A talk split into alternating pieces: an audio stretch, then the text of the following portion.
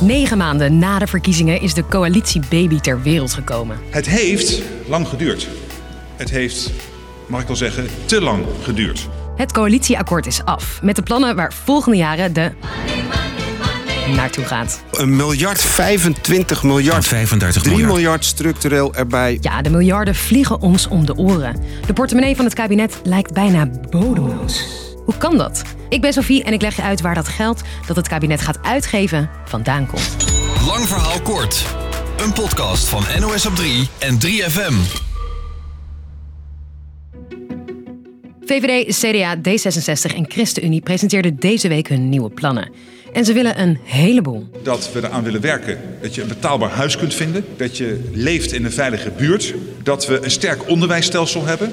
En cruciaal, dat we dit land schoner achterlaten voor onze kinderen en voor onze kleinkinderen. Ja, hartstikke mooi natuurlijk, maar plannen zijn niet gratis. Eenmalig 25 miljard om de stikstofproblematiek op te lossen. Onderhoud van wegen, 1,25 miljard. 800 miljoen voor het onderwijs, 10,7 miljard aan defensie, 35 miljard in het klimaatfonds. Voor een deel komt dat geld uit bijvoorbeeld belastingen. Maar dat is lang niet genoeg.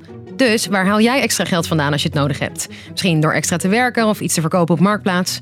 Maar ook een optie, lenen.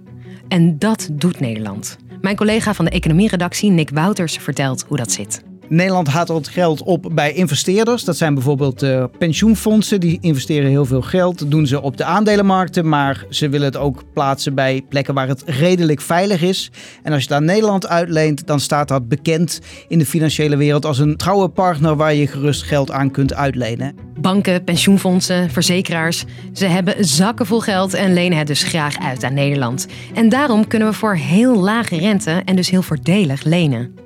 We hebben een triple A-status. Dat geeft aan dat we heel betrouwbaar zijn en daardoor daalt ook die rente, want de, de, kans is gewoon groot dat je het terugkrijgt. En er is heel veel geld op dit moment in omloop. Komt ook omdat de Europese Centrale Bank duizenden miljarden in de economie pompt. Dat geld moet ergens heen en dus daalt die rente en soms zelfs negatief, dus dan krijg je er geld op toe. Geld lenen is dus geen probleem. Investeerders willen ons zo graag geld lenen dat ze bereid zijn ervoor te betalen. Maar zoals iedereen die nu studeert ook weet. Let op. Geld lenen kost geld. Meer lenen dan dat er binnenkomt. Dan creëer je een schuld. En in dit geval een staatsschuld. Zo'n beetje alle landen ter wereld hebben er een. Vaak daalt de staatsschuld als het economisch goed gaat en stijgt het als het slecht gaat. De staatsschuld drukken we uit in percentages. De staatsschuld, ook vorig jaar en dit jaar, bleef hij onder de 60 procent. Dat is hoeveel procent het bedrag is ten opzichte van het BBP, het bruto binnenlands product. Dat is het geld dat je in een jaar als land verdient.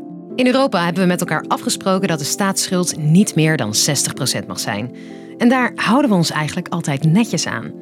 Is het dan erg als onze staatsschuld oploopt? Je hoort collega Nick weer. Houdt dus bijna niemand zich aan. Nou, Nederland dus nog wel. Dus wat dat betreft zou je kunnen zeggen... ja, we zouden eigenlijk nog veel meer kunnen lenen... want uh, andere landen doen het ook. Italië heeft zelfs een staatsschuld van 135% Dus uh, zo slecht doen we het niet. Maar als geld lenen zo'n koopje is, waarom lenen we dan niet meer om het structurele tekort aan geld in de zorg of het onderwijs mee aan te pakken? Ja, je zou in theorie veel meer kunnen lenen. Maar je moet het natuurlijk ooit wel terug gaan betalen. En je weet niet, als je het ooit weer terug moet gaan betalen, wat de rente dan is. Nu is de rente heel laag, dus we zijn heel weinig kwijt aan rente. Maar misschien over 10 jaar, 20 jaar, 30 jaar, dan is de rente weer 3, 4, 5 procent. En dan ben je heel veel van het geld wat je als land hebt kwijt aan die rente. En dan kan je weer minder investeren, kan je het weer niet in de zorg steken of uh, op andere plekken in het vergroenen van de economie. Als je een grote schuld hebt, dan loop je op een gegeven moment het risico dat je het niet meer kan betalen omdat die rente oploopt. CDA-leider Bobke Hoekstra, een van de architecten van het nieuwe regeerakkoord, zegt over de plannen.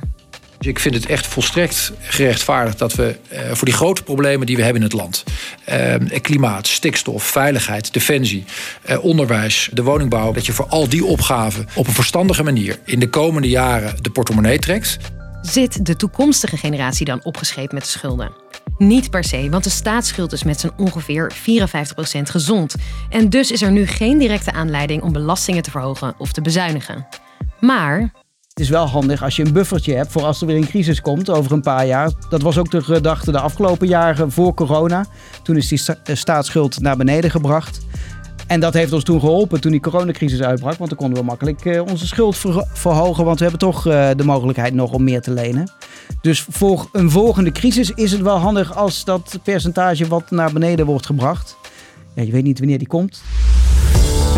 Een lang verhaal kort.